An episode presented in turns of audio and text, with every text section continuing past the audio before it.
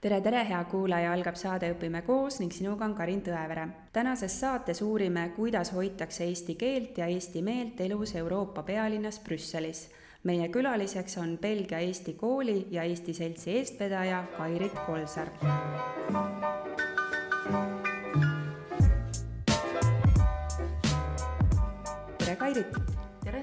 Täna on pühapäeva hommik ja meie oleme sinuga ühes päris omamoodi koolimajas. kus me täpselt oleme sinuga? tegelikult me oleme Flaami kultuurikeskuses Kontakt. siin toimuvad lisaks Eesti koolitundidele ka Kreeka koolitunnid, Serbia koolitunnid, erinevad keelekursused, tantsukursused. tegemist on kohaliku kogukonna keskusega, kus meie üürime ruume, et viia läbi Eesti kooli tegevusi no ja Eesti kool toimub siis, nagu ma aru saan, pühapäeviti, kui sageli pühapäeviti? Eesti koolil on koolipäevad pühapäeviti üks kuni kaks korda kuus, aga lisaks kuuluvad Eesti kooli tegevuste alla ka iganädalased rahvatantsutrennid, koorilaul, pisikestele lastele muusikaring ning koolivaheaegadel organiseerime laagreid ja pidevalt kultuuriüritusi ning tähtpäevade puhul erinevaid pidustusi, jõulupeod, vabariigi aastapäeva tähistamine ja jaanipäev. aga miks see on oluline, et äh, Eesti kultuuri ja Eesti sellist keelt ja meelt hoida sellises äh, kogukonnakeskuses, nagu seda on Belgia Brüssel? esiteks on see loomulikult lapsevanemate soov eesti keelt äh, ja kultuuri siin hoida. teiseks ma arvan, et see on ka Eesti riigi ja meie kõigi ühine huvi, et meil oleks eestlased igal pool maailmas. kodu-Eestis me vahel mõtleme, et üks tõeline eestlane on ikkagi see, kelle vanemad on eestlased, kes elab Eestis, räägib emakeelena eesti keelt ja kui me sellest lähtume, siis tegelikult jääb Eesti järjest väiksemaks, sest demograafiliste protsesside tulemusel inimesed rändavad Eestist välja, abielluvad võõramaalastega. kui me niimoodi edasi mõtleme, et siis jah, Eesti jääb järjest väiksemaks, aga kui me suudame laiemalt mõelda, et kõik inimesed, kes soovivad eestlased olla, kellel on huvi eesti keele ja kultuuri vastu, siis meie Eesti kasvab järjest suuremaks. Eesti on väike riik, kuid ometi meie keel kuulub paarisaja maailma enim kõne, kõneldavate keelte hulka. maailmas on umbes kuus tuhat erinevat keelt arvatakse, et äh, nüüd kahekümne esimese sajandi jooksul surevad neist välja umbes pooled, umbes kolm tuhat, aga eesti keelt see praegu ei ähvarda, ometi me peame ikkagi pidevalt eesti keelt hoidma ja arendama, et ta püsiks nende kultuurkeelte hulka, mida igapäevaselt maailmas räägitakse sa rääkisid siin praegu sellest, et äh, Eesti mõnes mõttes nagu suureneb ja kasvab tänu teie tegevusele siin, et kui palju on selliseid vanemaid, kellel ei ole mõlemad äh, vanemad eesti keelt kõnelejad või eesti rahvusest? Eesti kool ongi tegelikult äh, eelkõige suunatud nendele lastele, kellel on üks vanem eestlane, teine vanem mulle, kuigi päris palju on meil ka peresid, kus on mõlemad vanemad eestlased. Äh, kui üks vanematest on eestlane, teine vanematest ei ole eestlane, siis on üldiselt kodune keel ikkagi mõni teine keel, mitte eesti keel. Ja seepärast on eesti keel väga oluline, et laps saaks tulla keskkonda, kus ta näeb, et eesti keel ei ole selline imekeel, mida ainult ema või isa üritab temaga rääkida, et tegelikult on eesti keele kõnelejaid ka siin Belgias juba väga palju. mis teeb tegelikult meie Belgia-Eesti kooli eriliseks, on see, et meie lapsed käivad kõik erinevates koolides ja õpivad erinevates keeltes. et Eesti kool tegelikult ju ongi pühapäevakool, et lapsed käivad nädala sees kohalikes koolides, mis on üldjuhul hollandikeelsed või prantsuskeelsed, mõned rahvusvahelised koolid on inglisekeelsed, aga Euroopa koolis on neil võimalik õppida erinevates keelesektsioonides, sealhulgas ka näiteks itaalia keeles või kreeka keeles ja kui lapsed tulevad Eesti kooli, siis nad peavad siin rääkima eesti keeles, sellepärast et nende ühine keel on eesti keel. see teeb meie töö siin oluliselt lihtsamaks, kui me võrdleme ennast näiteks Saksamaal tegutsevate Eesti koolidega või Inglismaal või Ameerikas tegutsevate Eesti koolidega, sellepärast et seal on lastel tihti koolikeel ja kodune keel riigikeel ning eesti keel jääb paratamatult tahaplaanile. No aga sa rääkisid siin, et lapsed tulevad pühapäeval kooli, nad on terve nädala käinud oma regulaarses tunnid ja asjad kõik on olemas. Ja mis neid tõmbab siia Eesti kooli, et et kas see on vanemate surve või see ongi see, et lapsed tunnevad, et jess, ma saan rääkidagi oma keeles nii-öelda ja mis te teete siin koolis täpsemalt? ma arvan, et see on nii ja on naa. kindlasti on lapsi, keda lapsevanemad peavad siia natuke suruma natuke ja tõmbama. suruma ja, ja tooma ja võib-olla mingit meelehead selle eest lubama, et pärast minnakse parki või mängukeskusesse. aga kindlasti on ka väga palju lapsi, kes tulevad siia suure rõõmuga, sest need tegevused, mida me siin teeme, on väga huvitavad lastele kui me hakkame pihta kõige pisematest, kes on kahe-kolmeaastased, nemad tulevad koos vanemaga juba eesti keelega tutvust tegema, mängivad, meisterdavad, laulavad, tantsivad. Neid äh, juhendavad Aet ja Naia. Naia on ise Eesti kooli kasvandik, et tema alustaski koos Eesti kooliga kümme aastat tagasi, olles nelja-aastane pisike tüdruk ning nüüd aitab ta emal oma tunde läbi viia kui me läheme nüüd edasi suuremate laste juurde, siis nelja kuni kümneaastastele on meil, võiks öelda, klassikaline kooliprogramm, neli neljakümne viie minutilist tundi, eesti keel, kodulugu, meisterdamine ja muusika, aga loomulikult, kuna need tunnid toimuvad ainult üks või kaks korda kuus, siis õpetajad valmistavad need põhjalikult ette, need on väga intensiivsed, väga palju erinevaid tegevusi, ma ise võrdleksin seda teatrietendusega lausa, et kui ma ise tunde andsin, siis ma tundsin, et ma andsin neli monoetendust päevas. Ja kõige suurematele lastele, keda tegelikult on kõige raskem meie siia kooli meelitada, kümme pluss vanuses lapsed, et nendele meil on kunstiring, mida viib läbi professionaalne kunstiõpetaja Tiia Tammemägi, kus nad teevad väga-väga huvitavaid põnevaid mitmekülgseid töid, et võib-olla taustal on kuulda kopsimist, et täna tehakse isadepäeva puhul isadele naeltega pilti inimese peast ja ajust. ja lisaks on veel äh, kõige suurematele sellel aastal riigikaitsering. kõige suuremate lastega me olemegi pidevalt otsinud, et mis neid võiks köita. me oleme teinud neile seminare, kus iga kord tuleb eri, esinema erinev külaline, näiteks ka Andrus Ansip on meil külas käinud, aga ka näiteks üks hobikokk Saaremaalt, kes tegi lastega kamatrühvleid, et püüame alati kasutada ära inimesi, kes siia Belgiasse tulevad. Ja loomulikult toome ka ise projekti korras, et toome teatrietendusi ja igal aastal toome emakeelepäeva paiku ühe lastekirjaniku ja organiseerime la-, raamatulaada. mina elan Monsis, siit äh, noh, selline viiskümmend, kuuskümmend kiltsa edasi sõita, äh, siis äh, meil on ka Eesti pered ja siis ma kohtasin seal ühte lapsevanemat, kelle laps käib nüüd siin Eesti-Belgia koolis ja siis ma küsisin, et noh, et mis see kõige suurem rõõm siis on, et miks te tulete siia Eesti-Belgia kooli ja nagu pühapäeval, et noh, et laps on ju terve päeva või terve nädala selles Belgia koolis ja ka tead, et see on nagu lapsel see suur kergendus, et ta saab oma keeles rääkida, kõnelda, mõelda ja teistega suhelda, et ta on ju visatud võõrasse keeleruumi, talle meeldib seal koolis, aga ta on ikkagi, see on väsitav, et nagu rõõmuga tuleb siia kooli selles mõttes nautima seda oma keelt, mida tema oskab rääkida ja millest ta tunneb ennast vabalt, eks ju, et, et see on nagu hästi suur pluss ja väärtus. kas jälgid sa Eesti õppekava ka või kuidas?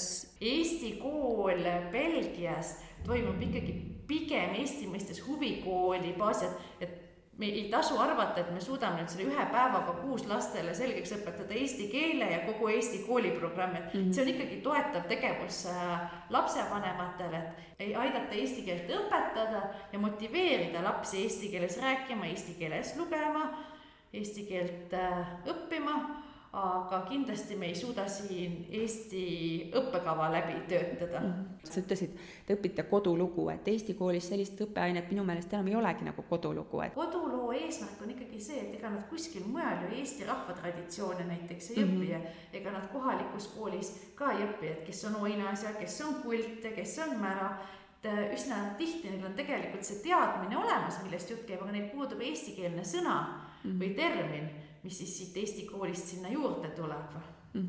-hmm. aga need meetodid, mida te kasutate siin Eesti-Belgia koolis?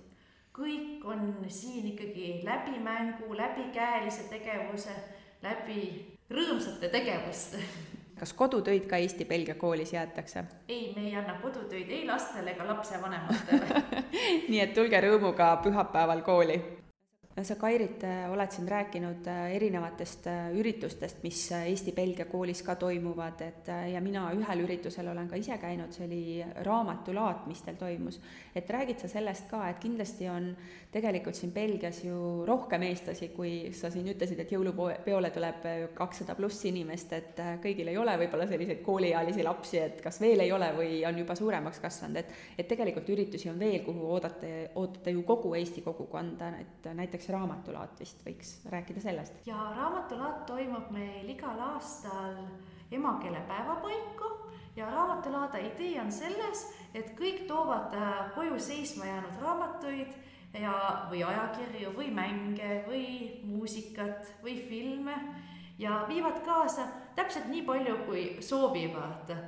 et toimub selline mõnus ringlus, et keegi, ei ole mingit punktide süsteemi, ei ole arveldamist, ei ole arveldamist ja väga palju raamatuid tuuakse ja viiakse, seda on alati rõõm näha. ning tavaliselt oleme üritanud äh, alati selleks päevaks tuua Eestist kohale ka mõne lastekirjaniku, kes siis äh, publikuga kohtub.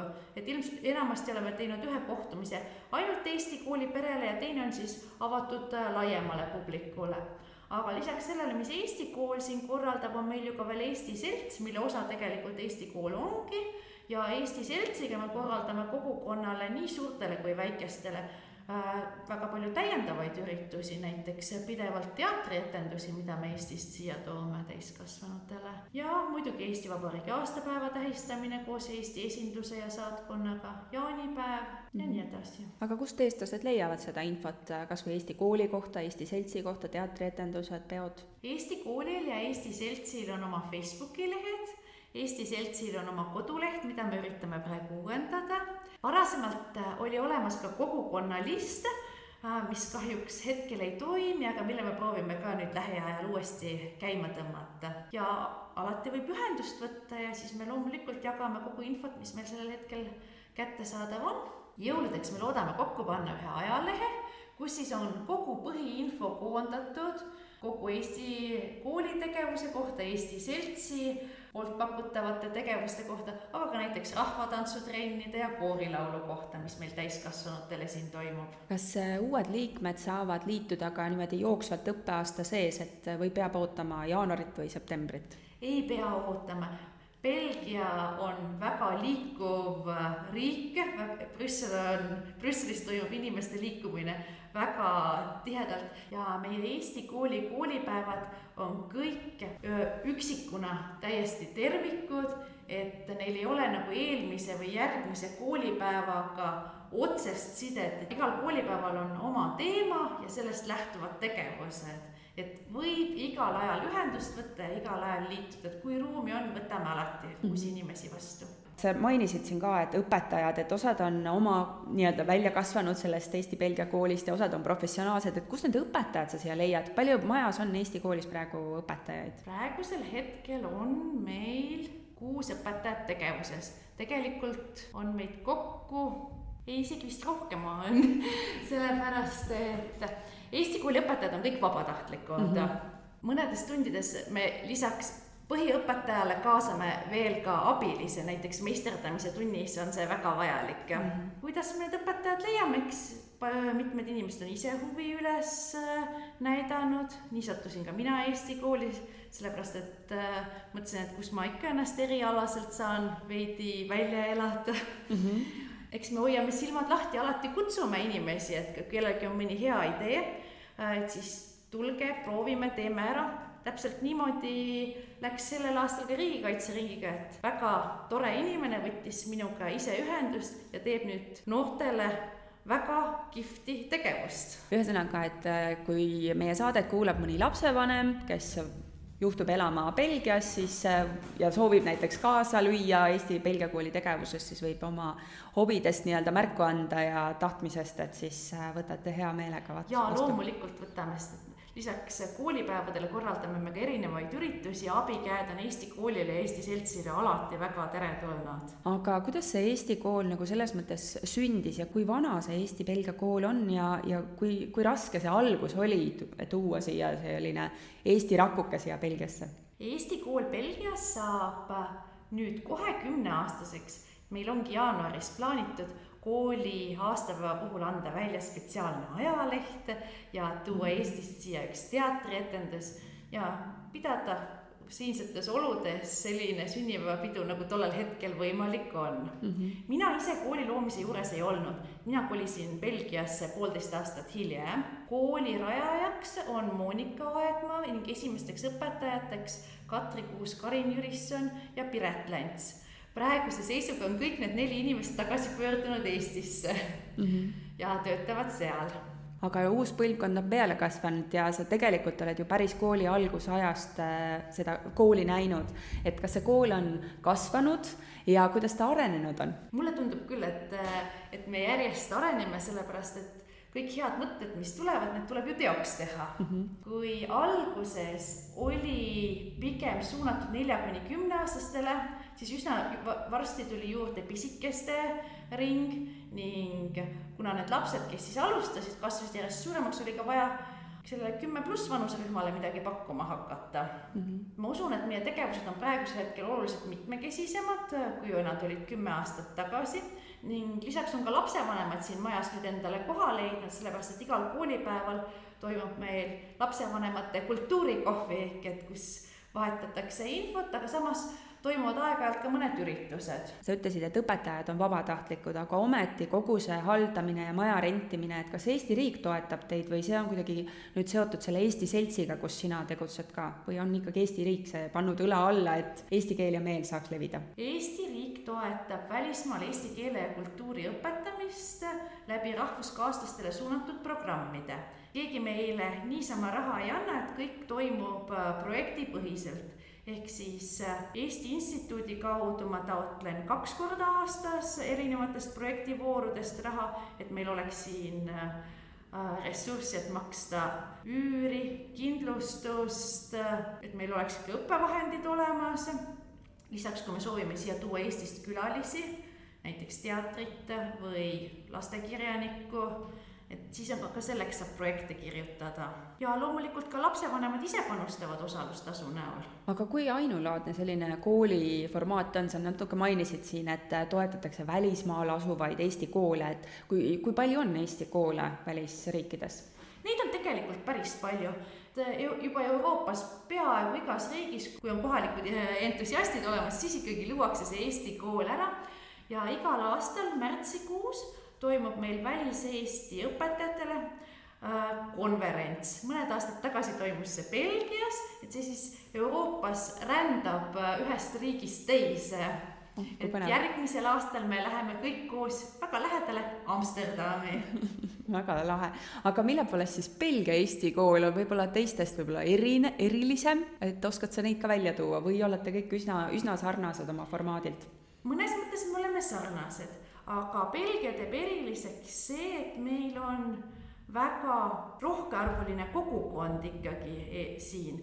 tänu sellele, et meil on piisavalt publikut, on meil võimalik teha väga mitmekülgseid projekte, ressursimahukaid ettevõtmisi. Et ma olen käinud ise esinemas näiteks Kölni Eesti koolis, see on väga armas kogukond, et kõik lapsed ja lapsevanemad panustavad, aga neid ongi paarkümmend last ja paarkümmend vanemat, kes sinna koolipäevadeks kokku tulevad. meie räägime siin ikkagi, et ühel kooli, ühest koolipäevast võtab osa üle saja lapse mm. -hmm. ja kui me räägime üritustest, näiteks jõulupeost, siis sinna tuleb ka kakssada Eesti last kokku, pluss lapsevanemad. see on ikka väga suur kogukond. pluss see keele teema, mida ma eelnevalt juba mainisin, et teistes riikides lapsed kipuvad kokku saades ikkagi rääkima riigikeelt või seda keelt, kus nad koolis räägivad, aga meil ei ole see võimalik, sellepärast et laste koolikeel, koolikeeled on nii erinevad omavahel. Need, kes saatekuulajad kuulavad, siis riigikeeli on ju tegelikult kolm, kolm. on äh, prantsuse keel, flaami keel ja saksa keel, eks ja. ju. ja inglise keel on siis juba, see ei ole ametlik keel tegelikult, aga, aga, aga kõik räägivad inglise keelt lisaks, eks ju, et päris äh, keeltepaabel ja siis need lapsed veel lisaks on eesti keele siis omandanud, et aga lähme, Kairit, natukene sellise sinu loo juurde, kus sa ise koolis käimist alustasid ja mis su, kus su kraadid kõik on? ma tean, et see on äh, üsna mitmekesine sinu haridustee olnud. last, äh, lasteaias ma tegelikult ei käinud, kasvasin üles Mõisaküla lähedal Veeliksel vanaema ja vanaisa juures talus, et minu algharidus pärineb sealt. ja ma arvan, et see on mulle elus andnud nagu väga palju huvitavaid teadmisi ja kogemusi. kooli läksin Tartusse, äh, Tartu Kivilinna gümnaasium, mis praegu kannab vist nime Kristjan Jaak Petersoni gümnaasium mm. -hmm. ja seal ma käisingi algusest lõpuni kuigi vahepeal oli mõte Treffnerisse ka minna ja mind sealt isegi kutsuti, kuna ma olin tubli olümpiaaditüdruk, aga ma olen alati olnud seda meelt, et lapsed peavad käima kodulähedases koolis ja minu vanemad olid ka ilmselt seda meelt, et selle asemel, et iga päev mitu tundi bussiga sõita ja aega selle peale kulutada, et käisin kodulähedases koolis kuni gümnaasiumi lõpuni. ja pärast seda alustasin õpinguid Tartu Ülikoolis geenitehnoloogia erialal. vahepeal pärast seda, kui ma olin mõnda aega töötanud Brüsselis, õppisin Luua metsanduskoolis loodusretkejuhiks, sest vahepeal oli minuni jõudnud arusaamine, et mulle vist ikkagi väga ei sobi see laborandi töö, mis geenitehnoloogia väljund on, et ma pigem tahaksin töötada looduses ja inimestega. Äh, seejärel õppisin Tartu Ülikoolis magistriõppes gümnaasiumi loodusteaduste õpetaja erialal. oma praktika tegin juba Brüsselis täpsemalt küll öeldes äh, Waterloos ühe rahvus, ühes rahvusvahelises koolis. ja siin Belgias olen õppinud veel või läbinud kursuse, loodusgiidi kursuse üheaastase programmi ning õppinud loomulikult hollandi keelt, sellepärast et me elame hollandikeelses piirkonnas kuni kõige kõrgema tasemeni, mida kohalik keeltekool siin pakkus ja hetkel õpin prantsuse keelt. miks sa siia Belgiasse üldse sattusid? sellele on natuke raske vastata hetkel, sellepärast et tegelikult ma sattusin Belgiasse esimest korda äh, aastal kaks tuhat kuusteist kui Euroopa Parlamendi liige Marianne Miku kutsus mind endale abiliseks Euroopa Parlamenti assistendina tööle. ja loomulikult võtsin ma selle väljakutse toona rõõmuga vastu sest mul oligi plaanis tegelikult küll ülikooli õpingute raames välismaale minna, aga miks mitte, kui selline ettepanek tuli. kohtasin oma praegust abikaasat, kes on eestlane ja juhtumisi samast linnast äh, Tartust päris, pärit nagu minagi, hoopis Strasbourgis seoses Euroopa Parlamendi igakuiste töösõitudega. ja otsustasime tagasi kolida Eestisse ja seal saime lapsed, aga mingi hetk, kuna tema leping ikkagi läks edasi siis otsustasime, et kolime Belgiasse tagasi. kui vanad su lapsed siis olid? kui me Belgiasse kolisime. kõik me, kõik lapsed on sündinud Eestis. kõik viis? kõik viis on sündinud Eestis. meie kõige vanem laps oli toona viieaastane, teine laps oli kolmeaastane ja kolmikud olid pooleteiseaastased. nii et need äh, lapsed sul tegelikult Eesti koolis traditsioonilises Eesti koolisüsteemis pole käinud? ei ole, kõige vanem laps käis Eestis lasteaias mm. -hmm. ja see oligi minu jaoks kõige suurem äh, šokk, sellepärast et Eestis käis meie kõige vanem laps Tartu kõige uuemas lasteaias, kus igal lapsel oli oma käterätt, ilusti nagis, eristatud äh, puidust vaheseintega ja siin kohalikus lasteaias oli ainult kraanis külm vesi tualetipottidel polnud prilllaudasid, seep oli nii kõrgel, et lapsed sellele juurde ei pääsenud, vahetusjalanõusid ei kantud ning lõunaund ei tehtud mitte nii, nagu Eestis harjutud on, kenasti linade vahel pidžaamades, vaid siin oli see plastikraamide peal ning välisjalanõud pidid jalas olema, sellepärast et äkki on mõni ohtlik olukord ja lapsed vaja kiiresti evakueerida aga ometi valisite Belgia ja harjusite selle süsteemiga siin ära. inimene harjub kõigega. just, ja tänaseks käivad kõik su viis last koolis? jaa, tänaseks käivad. mis äh, koolis nad käivad? kõige vanem laps käib Belgia mõistes juba keskkoolis, et kui Eestis on üheksa pluss kolm süsteem, siis Belgias on kuus pluss kuus süsteem kuus aastat põhikooli, kuus aastat keskkooli. kõige vanem käib siis keskkooli teises klassis ehk siis Eesti mõistes kaheksandas klassis. järgmine laps käib põhikooli viimases klassis ehk Eesti mõistes kuuendas klassis ja kolmikud käivad äh, Eesti mõistes neljandas klassis mm. -hmm no aga sul on Eesti kooli kogemus endal olemas ja ilmselt su sõprade lapsed käivad Eesti koolis, eks ju, ja teavad, kui palju sa võrrelda saad nagu selles mõttes, et äh, Belgias äh, õppimine nüüd Belgia koolis ja Eesti koolis, et kuidas need asjad on? ma arvan, et minu enda kogemused kahekümne aasta taha, et kindlasti no, on ka Eestis väga palju on, asju muutunud mm. -hmm. aga mis mulle tegelikult meeldib, on juba, on see, et juba keskkoolis üsna varakult hakka-, lubatakse lastel erinevaid suundi proovida ja suunatakse neid proovima, mis neile rohkem võiks sobida. juba enne keskkooli astumist, ehk siis pärast kuuendat klassi peavad nad valima ära, et kas nad tahavad õppida ladina keelt või mitte.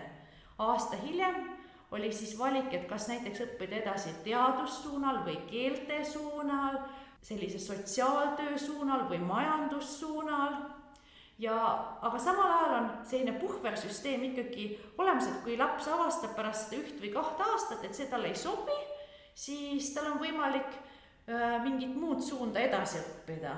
ja teiselt poolt ma, mulle tundub, et Belgias on koolid hoopis paremini ette valmistatud selleks, kui neile tulevad täiesti umbkeelsed äh, lapsed, kes ei räägi ühtegi sõna veel kohalikus keeles, et kuidas nende lastega tegeleda ja kuidas nad võimalikult kiiresti järje peale aidata mm. -hmm. Eestis me ikkagi oleme pigem harjunud vist sellega, et, et meil on ühtne klassigrupp, kes läheb algusest lõpuni, et väiksed muutumised seal on ja võib-olla siis, kui nad lähevad keskkooli, et siis toimub selline suurem segunemine. aga Belgias toimub seda oluliselt rohkem seoses inimeste liikumisega. ja mis mulle tegelikult siin veel meeldis, oli see, et lasteaed ja põhikool on üldiselt üks ja sama hoonete kompleks, et see üleminek lasteaiast põhikooli ei ole nii suur, kui Eestis on meie laste puhul jäid üldiselt klassigrupidki samaks, et need, kes olid lasteaias koos, on ka põhikoolis koos. Aga Kairit, täna sa enam Strasbourgis ei tööta ilmselt, millega sa igapäevaselt tegeled nüüd? igapäevaselt tegelengi oma perega, sest viis last võtavad äh, päris palju aega ja energiat ära, eriti kuna välismaale kolinud inimestel puudub tugisüsteem, et kui kohalikud lapsevanemad saavad ikkagi vanaemade, vanaisade, tädide ja onude peale loota, siis äh, välismaale kolinud Eesti peredel seda luksust ei ole. et sellepärast ma tegelikult võib-olla soovitaksingi äh, nendel eestlastel, kellel on sugulased, lapsed, lapselapsed välismaal, ikkagi nendega sidet pidada, äh, võib-olla aeg-ajalt lapsi hoida läbi Skype'i, neile saata eestikeelseid mänge ja ajakirju ja uusi filme, et seeläbi nende keelt arendada, aga lisaks oma perele on siis loomulikult vabatahtlik töö Eesti kooli hoidmisel ja arendamisel siin ning kohalikul tasandil olen ma leidnud oma väljundi Tuunendali metsamuuseumis, kus ma olen äh, loodusõppe koordinaator, töötan välja uusi õppeprogramme ja viin koolidele läbi looduse avastamise töötubasid siis. nii et sa oled igapäevaselt tegelikult hästi rakkes? jaa, et ma olen tegelikult äh, täiesti rahul sellega, praeguse eluga. aga nüüd sa oled, te olete elanud siis äh, mingi kaheksa-üheksa aastat siin Belgias kaheksa aastat vist jah mm. -hmm. Need, kes kolivad, tunnevad kõige rohkem puudust äh, just sellest tugivõrga, võrgustikust, et kas kaheksa aasta jooksul on tekkinud nüüd see võrgustik ka, et, et sul on kuhugi vajadusel lapsed jätta ja on nii-öelda selline tunne, et, et ma olen hoitud, et kui mul on mure või häda? ma usun küll, et, et see võrgustik on loodud, ehkki peab mainima, et äh, inimesed roteeruvad inimesed vahelduvad, et väga tihti ei saa väga püsivaid sõprussuhteid luua, muidugi sõprus jääb kestma, kui inimesed on ka ära kolinud, aga näiteks iganädalased jalutuskäigud mõnede sõpradega toimuvad paar aastat ja siis see sõber kolib jälle ära. Aga see on ju üsna raske tegelikult emotsionaalselt, ma loon mingi sõprussuhte, ma saan lähedaseks ja siis see jälle see side nagu nõrgeneb ja kaob, et kuidas sa sellise asjaga toime tuled või kuidas su lapsed sellega toime tulevad? Minu lapsed on kohalikus koolisüsteemis ja seal üldiselt on ikkagi väga palju kohalikke ka mm, -hmm. ehk siis need sõprussuhted, mis seal on, on üldiselt üsna püsivad mm. -hmm. inimeste liikumine puudutab eelkõige lähetatud ametnikke, kellel on tähtajalised lepingud, no nii see siinne elu ongi paraku mm. -hmm. võta või jäta, nii on. jah tuleb harjuda ja leppida. aga sa oled tähele pannud seda ka, ma ise vähemalt, kuna mina olen ka kolinud, et ma tunnen, et mida vanemaks ma saan, seda raskem on uusi suhteid nagu luua. et äh, ühelt poolt teadki juba ette, et see muster nagu kordub, et me kõik läheme mingil hetkel jälle laiali, et äh, mis on sinu nii-öelda soovitused, kui sa tuled võõrasse riiki, et, äh, et noh, oleks kergem kohaneda ma arvan, et läbi laste ongi väga hea neid suhteid luua, et, et siin juba Eesti kool on pakkunud päris paljudele võimaluse teiste Eesti vanematega kohtuda, et tuledki kohvikusse, samal ajal kui su laps on kohvikus, seal on ikka teised Eesti inimesed ja lihtsalt räägid nendega ma pean mainima, et kohalikud flaamid on väga kinnised inimesed, et isegi lapsed, kes käivad äh, samas koolis, samas klassis, et nendeni jõudmise, jõudmine on väga keeruline. ma arvan, et ei, kõik esimesed sõprussuhted, mis ma läbi laste kohalikul tasandil lõin, oli ikkagi kas hollandlastega või teiste ekspatidega, nagu neid nimetatakse.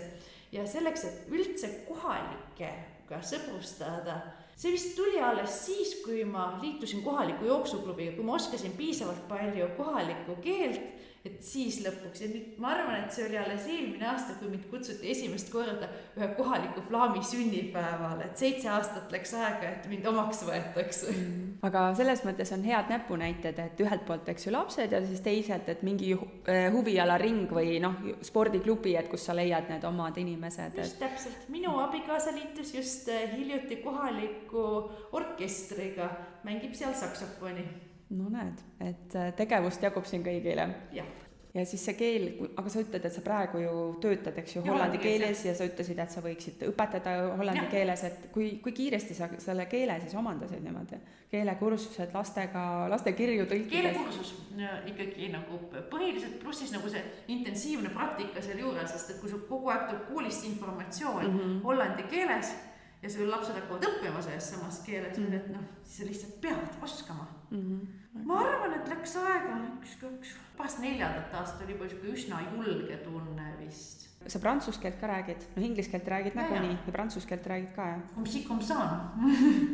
Et ma praegu õpin prantsuse keelt, et ma neljanda neljas tase, tase aga noh, prantsuse keeles ma ikka ei julge nagu väga midagi öelda võtab veel aega. aga sa ütlesid, et äh, sa õpetasid siin Eesti-Belgia koolis, aga hetkel sa ei õpeta, sul on nii palju tegemist. tuleb välja et sel aastal ma suutsin tegevused niimoodi ära organiseerida, et esimest aastat ma otseselt tunde ei anna hetkel mm. -hmm. saan rahulikult äh, pühendada projektide kirjutamisele äh, ja kui on vaja loomulikult kuskile aidata, kui mõni õpetaja peaks haigeks jääma, et, et siis olen alati valmis need tunnid viimasel hetkel asendama. su ema on ka õpetaja, pedagoog, et äh, kui palju sa emaga niimoodi igapäevaselt räägid, et õpetaja ameti rõõmudest ja valudest? ikka räägime ja üsna tihti arutame projekte ja anname üksteisele nõu ja kui on vaja midagi üle lugeda, et siis omavahel konsulteerime. et minu ema just äh, saigi Tartu aastaõpetaja elutööpreemia, et olen väga uhke tema üle ei tea, kas kunagi õnnestub tema järgedes käia, jälgedes käia. no ma ei tea, võib-olla on see võimalik, igal juhul õnnitlused Vilve Pohlale Tartusse. enne kui me need otsad siin kokku tõmbame, sest ma tean, et sa pead järgmised lapsed uutesse ruumidesse toimetama, et, et kas Eesti-Belgia kool võib öelda, et see on nii-öelda sinu unistuste kool või mida sa veel muudaksid siin, et see oleks nii-öelda päriselt sinu unistuste kool? ei tohi vist öelda, et oleme üsna rahul endaga, aga tegelikult mulle hetkel tundub, et lapsed on rahul, lapsevanemad on rahul ja õpetajad on rõõmsad ja õnnelikud. kindlasti arenguruumi on ja me oleme alati uuendusteks valmis ja kui me nüüd huvikoolide kontekstis räägime, siis see on kindlasti üsna hea kool, et kas ta just ideaalne on eestlasele mm -hmm. tagasihoidlikult, aga tore on siin inimestel kindlasti. noh, minu meelest on selle kooli suur väärtus ikkagi see, et äh, pakkuda seda tuge nendele inimestele, kes tulevad ajutiselt siia. see infovahetus on minu meelest kõige olulisem ja need, kes äh, on päriselt ära tulnud, et neil jääb nagu see side Eestiga ikkagi olema, et, et selles mõttes on nagu imeline kool ja palju, palju, palju õnne Eesti-Belgia koolile ja pikka iga teile, aitäh sulle, Kairit! aitäh! tere, tere, hea kuulaja, algab saade Õpime koos ning sinuga on Karin Tõevere. täna olen ma külas Eesti koolis Belgias äh, õpilastel ning äh, ma ajan juttu täna selliste lastega nagu Inka, Moona, Saara, Hanna, Kristjan, Lee, Hele, Sirke, Mart, Alicia, Tormi, Noora, Friida, Simona. jõudsite kokku lugeda, mitu last mul siin on, jah? ühesõnaga, meil on täna üks hästi suur ja põnev seltskond siin stuudios ja me oleme pisikeses paviljonis tegelikult ja mina tahtsin täna last, Eesti laste käest küsida, mis kool see Eesti kool Belgias on? Hele? see on üks kool, kuhu me pühapäeviti.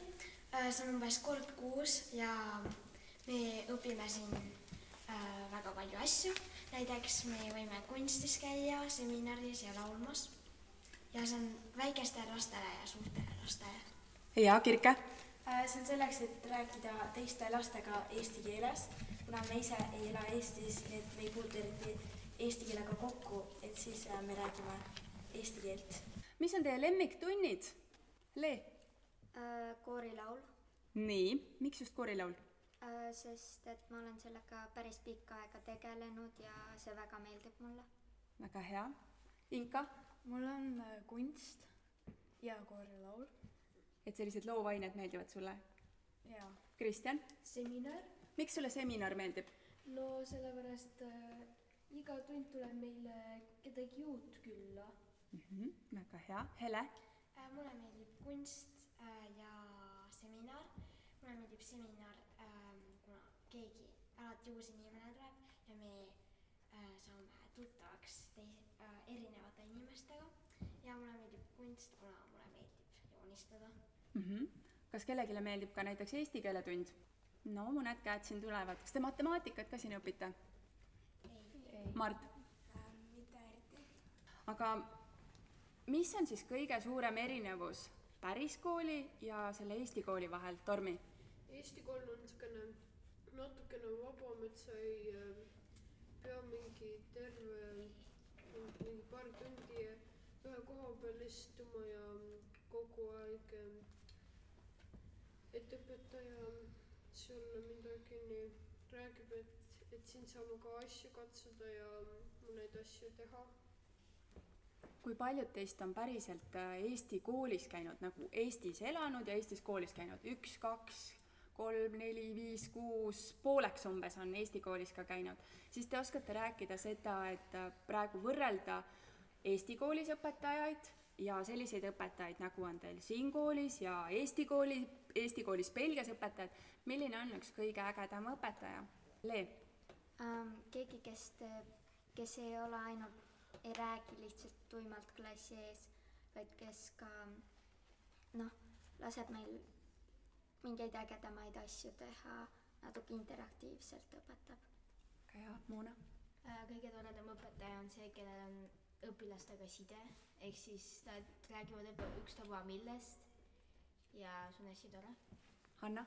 minu jaoks on eriti selline õpetaja, kes on ise ka nõus õppima ja õpilaste kohta ja õppida neid tundma ja ka, et ta räägib nendega vabamalt ja suhtub nendesse rohkem kui inimestega kui õpilastega.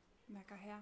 Kirke äh,? mul on, mulle meeldivad sellised õpetajad, kes ähm, suudavad ained huvitavaks muuta, et kõik ei oleks nagu üks ja sama mm. -hmm. Kas on veel mõtteid, milline on üks äge õpetaja? jaa, Mart? mulle meeldib minu jaoks sellised õpetajad, kes teevad teisi asju ka, kui, kui ainult paberi peal töö mm. -hmm. väga, väga õige. nii, veel mõtteid? jaa, Sara? kes, kes ei äh, kes õpetab alati midagi uut, mitte nagu sama asja kaua ja selgelt õpetab ja on üleüldse side õpilastega mm. -hmm.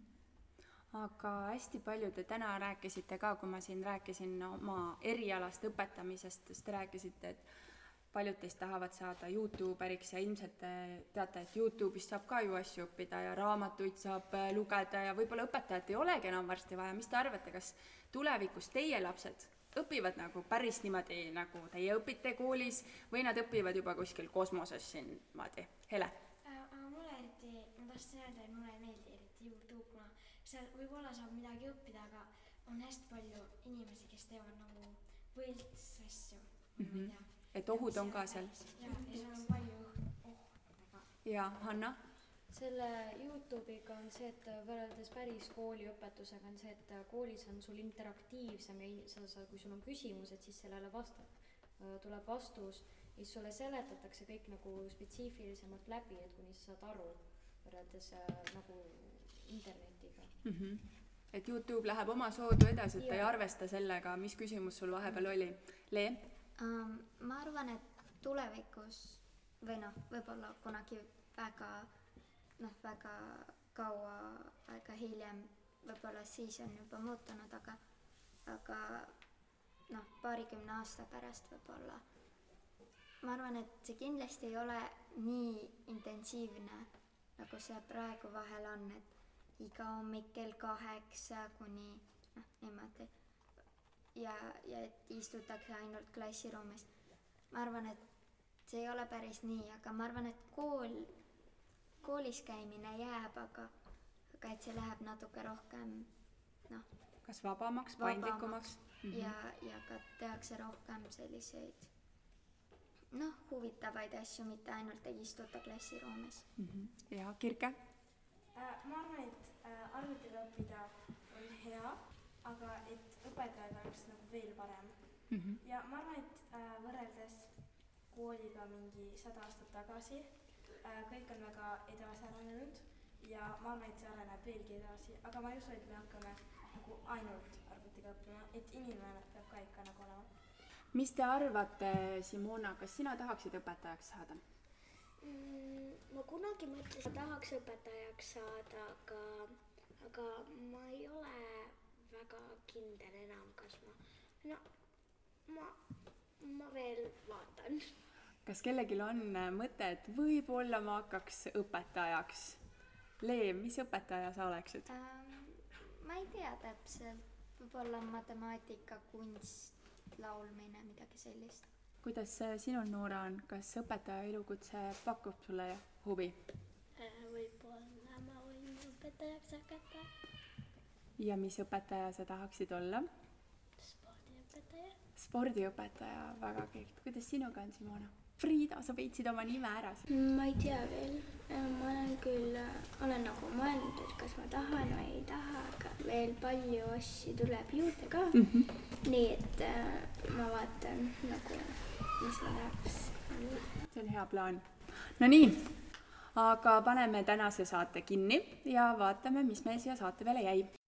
kui sinagi said koos meiega täna uusi mõtteid ja inspiratsiooni, siis anna taskuhäälingule hoogu juurde, likei, jaga ja kommenteeri meie postitusi sotsiaalmeediakanalites. kui soovid taskuhäälingut Õpime koos toetada, siis täname sind annetuse eest MTÜ Tartu Loomemaja arveldusarve kontole. kõik vajalikud lingid leiab saate kirjeldusest